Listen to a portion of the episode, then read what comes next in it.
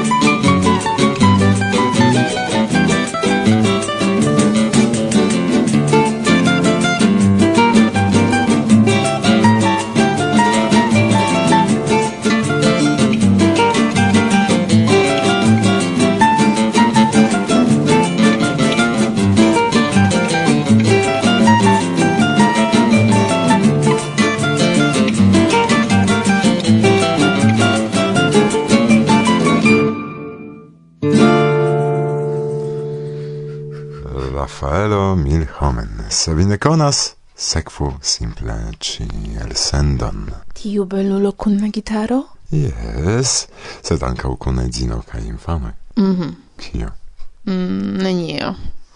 Sed, cara, lia arto tamen shainas esti tre interesa. Sekvu ligilojn sub anonco de la mikrofona renkontiĝo kun ni. Kiujn vi trovos? Compreneble en la prescribo.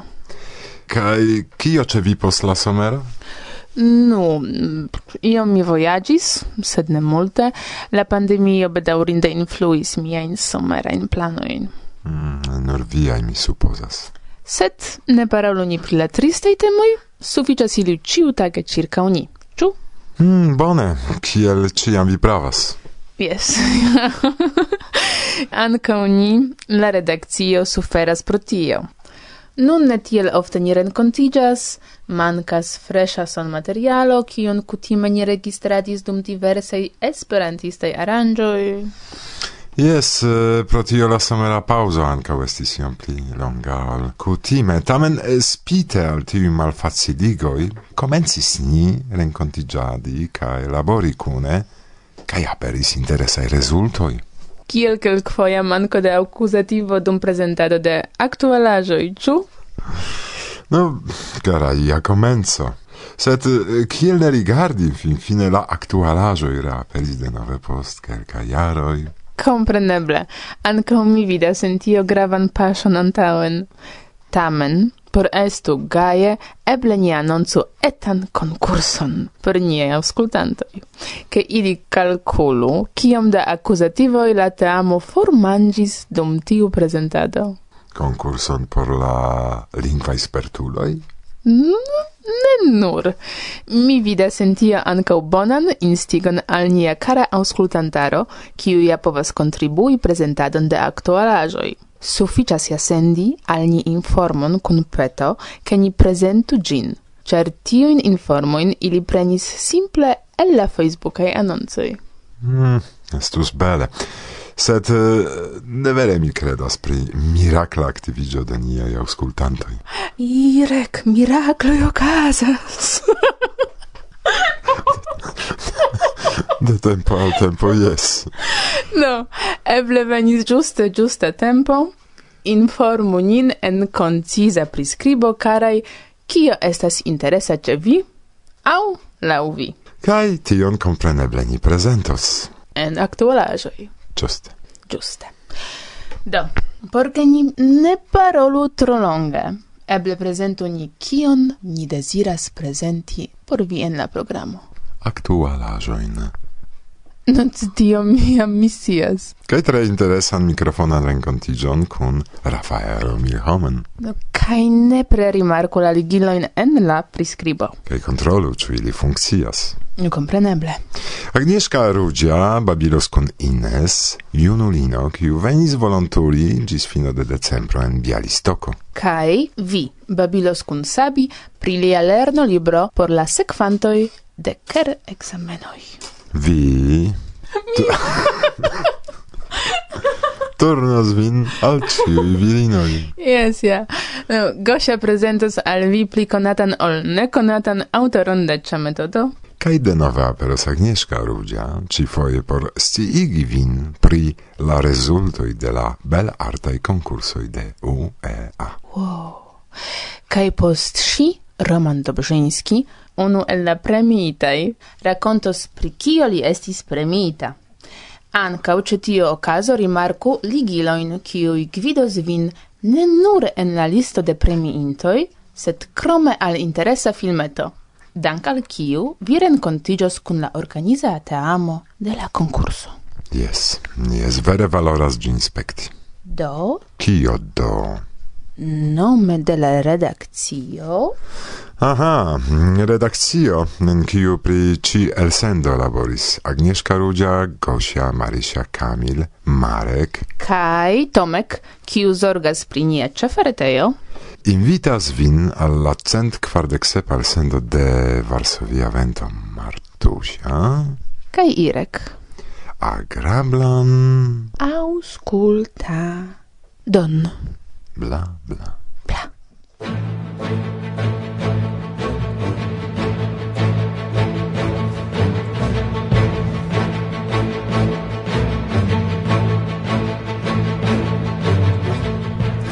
Komence de la oktobro ECEI eldonos la novan paperan version de plena manlibro de Esperanta gramatiko de Bertilo Venegren. Ci libro, konata jam kiel Pomego, estas verko por la esperantistoj, kiuj volas detale ekkoni la gramatikajn nuancojn de la lingvo internacia informoi pri la libro kai la ebloj eventuale gin mendi vi trovos pere de ligilo, kiun serĉu en priskribo de la elsendo.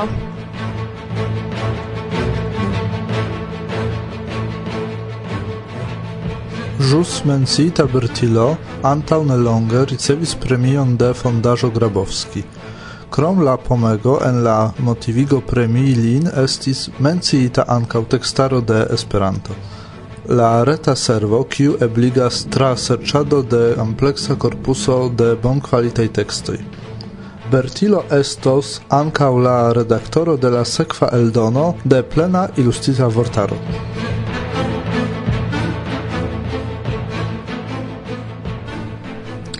Eble ne ĉiuj scias, ke pasintjare aperis la esperantista provo anstataŭigi la plej konataj komunikiloj kiel Facebooko, Telegramo, Discordo, Kotopo. Ĝi nomiĝas Nubo kaj kreita estis kiel ŝatokupa kaj nekomerca retejo por ĉiuj esperantistoj. Nubo funkcias simile al Facebooko, sed estas pli simpla kaj tute en Esperanto. Detaloj kompreneble pere de ligilo en la priskribo.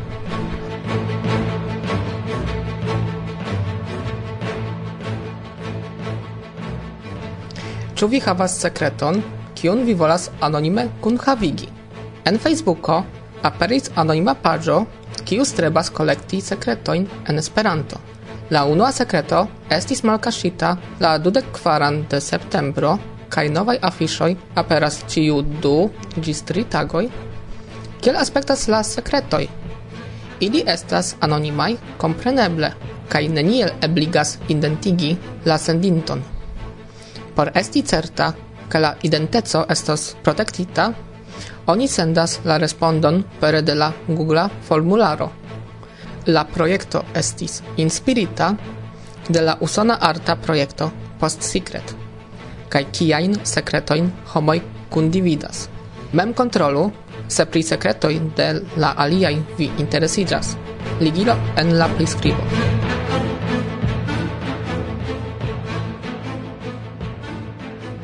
Inter la dudek sesa kaj dudek sepa de septembro okazis la unua virtuala malkongreso de Esperanto, kiun oni povis partopreni pere de Facebooko.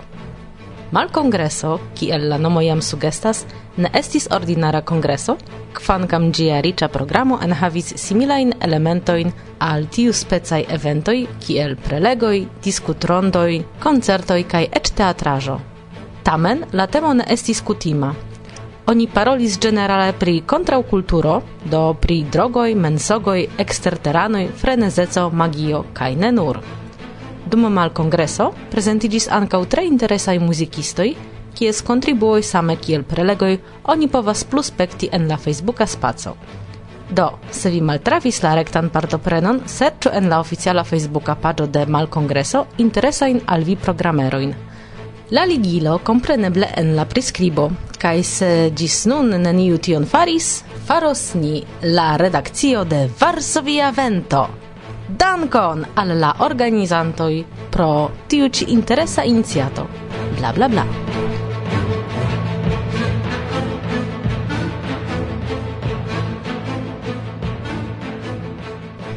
Canto de Kaito sentimo estis planita kiel contribuo al festivalo por paco de UNESCO, kiu pro la pandemio, kiel multaj aliaj eventoj bedaŭrinde estis nuligita.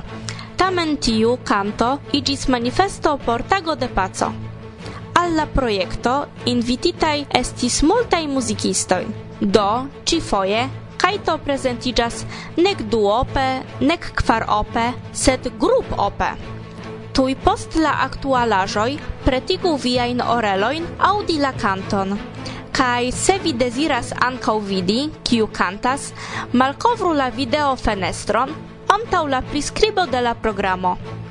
Kio estas tre interesa, ciu povas subteni la projekton manifeston per traduko en sian lingvon de la frazo en paco ludi sentimo, kuregi, salti, danci kai kanti estas raito de ciu infano. La tradukon oni devas sendi al Anki kaj Nane de Kajto. Ciu tradukoj estas prezentataj en ilia retejo.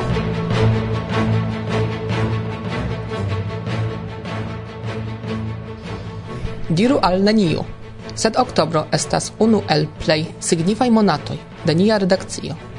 nell'urciarti monate finiĝas la somera paŭzo. Imagu, ke en oktobro ĝuste Agnieszka Ruĝa kaj Irek festas naskiĝtagojn. La tuta redakcio do kaj geamikoj deziras al vi bonan. Sen vi nia vivo kaj oktobro estus multe malpli kolora.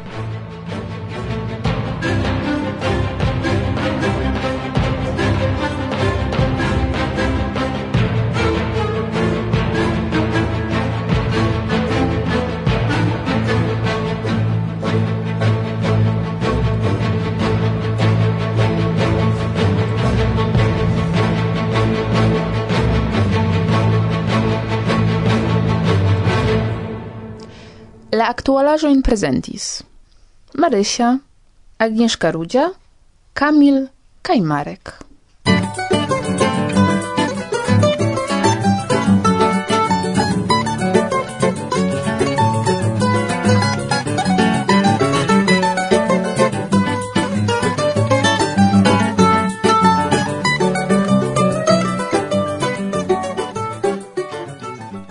Saluton, ni estas Kaito. Nun tempe vi auscultas radio programon Varsovia Vento.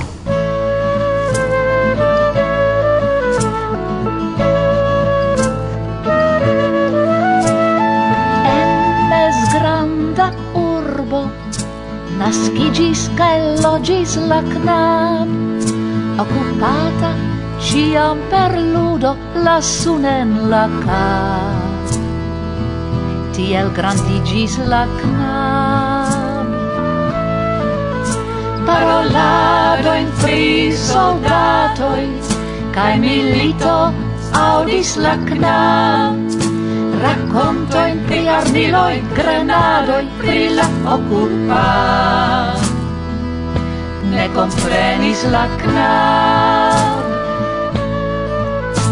Liberai estis ni, sed de la milit La ehoi, la ombroi, la sombrai memoroi Ancora upesis ceni Oni tiroin audis mi Pri persecutado, esplor demandado Timegigado, torturado, murdado Nerealai oni tiroi por mi Tion audis mi emociigis li Ne comprenis mi Terrorigis li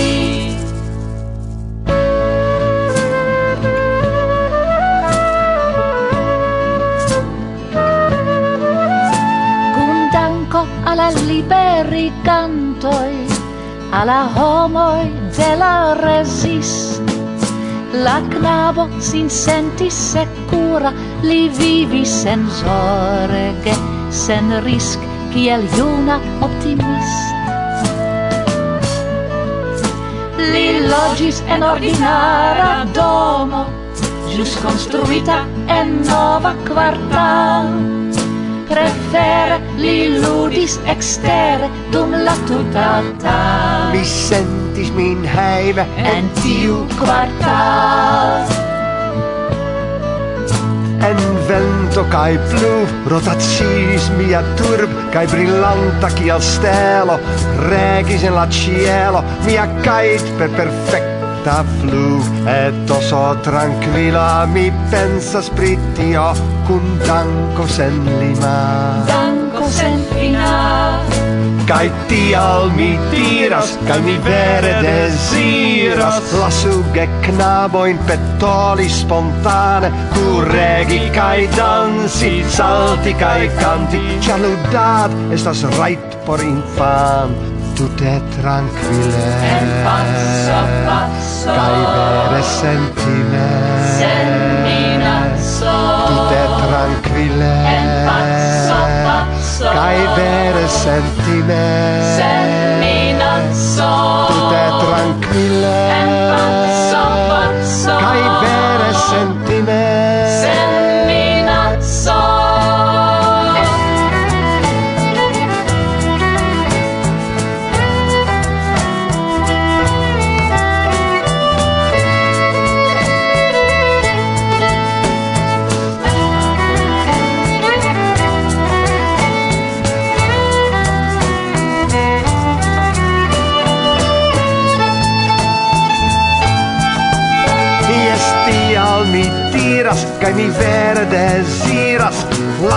Ge knaboin petoli spontane. Kuregi kai dansi, salti kai canti Estas right por ciu infan Tutte tranquille. Kai passo, passo Kai vere sentime Senti lasso Tutte tranquille.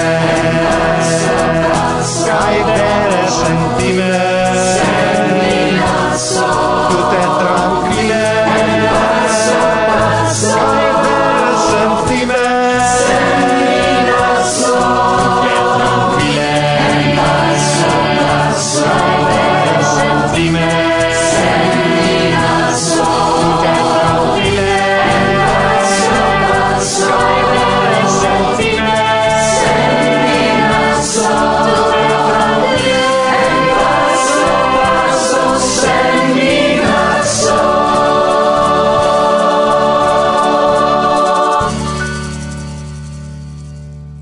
Saluton! Mi estas Agnieszka, kaj nun mi invitas vin al angulo de Istvan Ertl. Istvan Ertl, raporto de Teseo pri la lastaj horoj en la iama juda kvartalo. Cinocte mi penetris la intestoin de la insida urbo, quiu tenas nin ciuin en la cagioi del embusco. Mi venis por collecti la impostoin de la senhonta vero del districto. Citie trompe pompae cef stuparoi sendentas en la malciela lumo de ampoloi pendumite pendolantai traiaroi alvenintai cae pasontai. Sed la corvoi min vidis proximigi, ili forlasis la cornizo in are, cae nun mi sola sercias en la stratoi, laula faden, eliron, minotauron. Cupoloin mi aspirus, campaniloin, sed kirkoi mute altas en aliai urboi. La mia nur canaloin havas, cavernain cortoin, cae kioscoin caurain.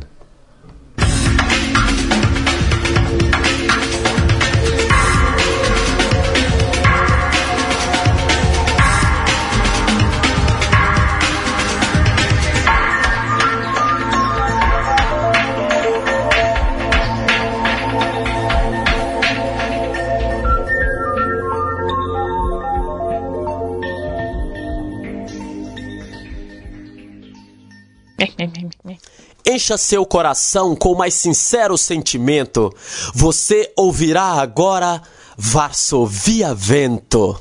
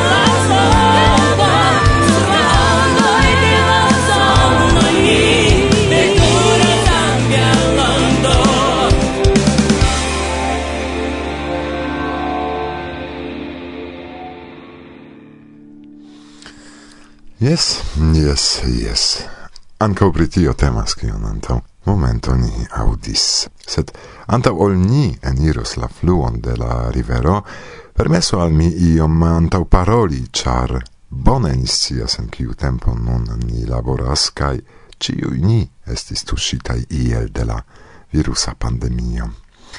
Ni la redakcio, pro manko de la fresha materialo, kiun kutime ni kolektis dum diversaj esperantistaj eventoj, por ke sekve la raportojn, intervjuojn kaj antaŭ babilado in prezentu al vi. Manko de tiu eblo ĉijare, ĉar Ciui eventoi cun ni planis partopreni estis nuligitai, devigis nin pensi pri tute aliei ideoi, Nature shainis collecti la materialen pere de la reto, kion al mi multai recomendis, ju pli des plitiu mm, virtuala solvo forte influis la esperantistaron contraustari la sortan glavon, kiu aperis super capo de la movado esperantista, sed bedaurinde tui evidentigis che san qualito de tiui provoi montrigis tro gena por presenti gin al viai oreloi. Mi mem ne eltenis auscolti tia maniera registritan interviuon pli longe ol quin minutoi imago. Do ni ne desiris vin turmenti, tamen cio eblas, se nur aperas forta desiro. Kaj tio povas esti ekzemplo por la aliaj, kiujn kun plezuro mi prezentus en la venontaj elsendoj de nia modesta provizora programo. Bla, bla, bla. Do carai, tial ec cun eh, pli granda plezuro ol cutime, mi invitas vin la mondon de tre interesa muzicisto. Fondinto de la potenzmetala bando Barok proiecto, finalisto de la musica concurso Canto de la Jaro 2013 de la revuo Contacto, finalisto de la concurso pri la musica componajo, ritaro del animo en Brazilo, finalisto sur campo de profesiulo in musica e categorio de la classica musicisto, cae ne nur, alteducita componisto, musica arangisto, specialisto pri la musica educado de infanoi, do, anta un microfono de Varsovia vento estas... Rafael Milhomen, au kiel oni diras en Esperantujo, Rafael Milhomen. Saluton. Saluton. Eh, mi havas multajn geamikojn in en Polando, kiuj eh, multe suferis pro nuligo de koncertoj kaj festivaloj, al kiuj ili estis invititaj. Do, ĉu restu hejme ankaŭ en via kazo grave influis viajn planojn, ideojn kaj vian vivon? Certe jes. Nu, la pandemio trafes min dufoje. En Brazilo mi laboras kiel muzikstruisto, ĉu ne? Mi laboradas dek kvin horoj preskaŭ ĉiutage, sed sed pro la pandemio mi perdis du el miaj tri laboroj. Tio estis terure. Fakte, la plej malbona parto estis la nuligo de miaj koncertoj kadre de la Universala Kongreso en Montrealo, kai kai festo revenas ĉe castello Greziljono en Francio. Tiu estos mia unuae concertoi internaziei. Necredeble, eble miei plei grave concertoi. Cai fiasces tio. No jest, tion mi supposis bedaurinde. Kiel aspektas do nun via labor stilo? Kion pro la pandemio vi devis shangi? Mi comences os interreton por instrui musicon. Mi, mi besonis adaptiĝi, ĉu ne? ne estas iom facila, char mi neniam faris tion antaue, kai con barok proiecto oni comences verke nova in componaggio in kai filmeto in tiui en viai proprai heimoi mi en mia heimo munis en lia heimo carlien sia heimo kai tel plo. la clipo cashiri estes farita tiel kai nun tiu musico fiere gainis la unuan premion ce la Oca Festivalo de Esperantai Cantoi en la categorio registrita in studio.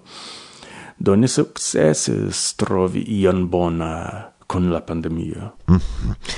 Uh, eh, tiui pro pandemiaj cirkonstancoj, kiuj nature limigis niajn ebloin, influis ankaŭ vin trovi vin pli kreativa, pli multe labori, krei ion surprizan aŭ novan? Mm, las mi pensi. Pro la pandemio mi havis pli da tempo por por esti con mia familio, cefe miaj du gefiloi. Kai mi studas gitaron. Antaŭ la pandemio mi preskaŭ ne musicomis heime. Kai non mi havas sufiĉe da tempo por studi. Mi anca usas tion tempon por registri novajn in de barokprojekto.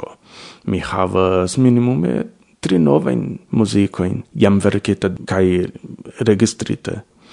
Mi anca uzis tion tempon por finigi mian dissertation kai anco provis tempo et por lerni la germanan ĉe Duolingo. Reclamo. Mancas reclamo.